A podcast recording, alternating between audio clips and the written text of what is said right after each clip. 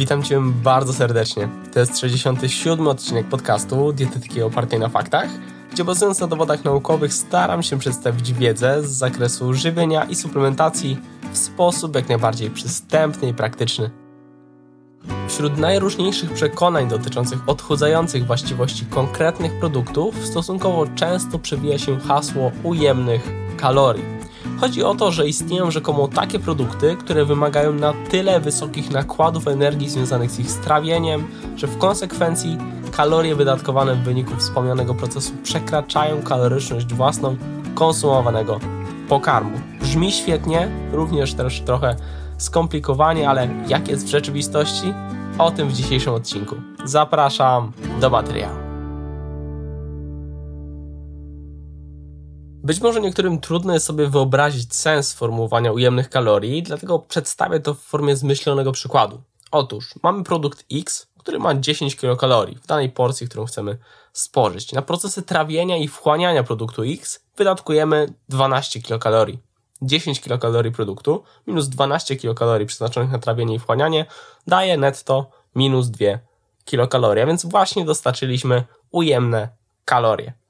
Do najczęściej przytaczanych produktów, które podobno dostraszają ujemnych kalorii, zalicza się niskokaloryczne warzywa. W obiegowych przeświadczeniach zdecydowanie kultowym przykładem jest seler. Czy więc seler to faktycznie ujemne kalorie? Otóż, co zaskakujące, są w tym zakresie dane naukowe. Badacze pokusili się o sprawdzenie popularnego twierdzenia eksperymentalnie.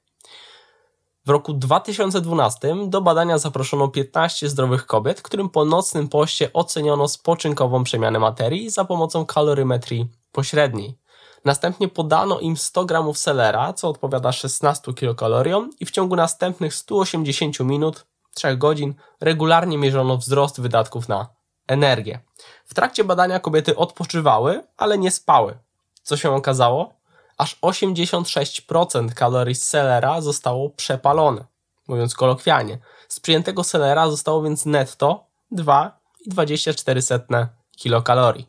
Wyniki eksperymentu są zdecydowanie intrygujące, choć nie potwierdziły istnienia tytułowego zjawiska. Seler można uznać za ciekawy produkt, który włączony do diety odchudzającej z pewnością będzie bardziej sprzyjać niż przeszkadzać w tym procesie, lecz nie jest pokarmem dostarczającym ujemnych kalorii. Termiczny efekt Sellera, czyli energia, którą pochłonęły procesy związane z jego strawieniem i wchłonięciem składników odżywczych, okazał się zaskakująco wysoki. Aby nie popaść jednak w hura optymizm z tym związany, należy podkreślić, że w ciągu dnia spożywamy rozmaitą żywność i realny udział energii wydatkowanej na ten termiczny efekt pożywienia to tylko około 5 do 15%. Każdy ze składników odżywczych posiada różną procentową ilość energii konieczną do jego metabolizowania. Wartości te minimalnie różnią się od siebie w zależności od opracowania, lecz ogólnie przyjmuje się, że takim makroskładnikiem, który wymaga sporo energii jest białko czy etanol, alkohol, natomiast makroskładnikiem, który wymaga bardzo mało energii jest tłuszcz. No dobrze, a co z zimnymi produktami? Koncepcja ujemnych kalorii nie zamyka się wyłącznie na kwestię strawności. W zakątkach internetu zdarza się znaleźć artykuły przekonujące o odchudzających właściwościach lodów. Dlaczego? Dlatego, że są zimne, a nasz organizm musi je ogrzać, mówiąc kolokwialnie, co wiąże się z wydatkiem energetycznym. Wydawać by się mogło, że to sposób myślenia całkiem logiczny, ale niestety okazuje się bardzo iluzoryczny. Ogrzanie pokarmu nie jest procesem wybitnie energochłonnym i przeważnie pochłonie kilka kilokalorii. Lody są natomiast produktem wysokoenergetycznym, stąd przekonanie o ujemnych kaloriach pochodzących z lodów jest kompletną bzdurą. Jak jednak wspomniałem, ogrzanie, mówiąc kolokwialnie, pokarmu pochłonie kilka dodatkowych kilokalorii. Jeżeli sięgniemy po bezkaloryczne lub bardzo niskoenergetyczne produkty, to przeświadczenie o ujemnych kaloriach może okazać się prawdą. Jedząc kostki lodu, pijąc zimną wodę lub bezkaloryczne płyny słodzone przykład sztucznym słodzikiem, rzeczywiście może się okazać, że netto jesteśmy z energią na minusie. Zanim jednak ktoś zacznie się obżerać kostkami lodu, czy pić wyłącznie zimną wodę, pragnę podkreślić, że ilość energii, jaką jesteśmy w stanie zaoszczędzić, jest śmiesznie mała i praktycznie nieistotna. A szkoda.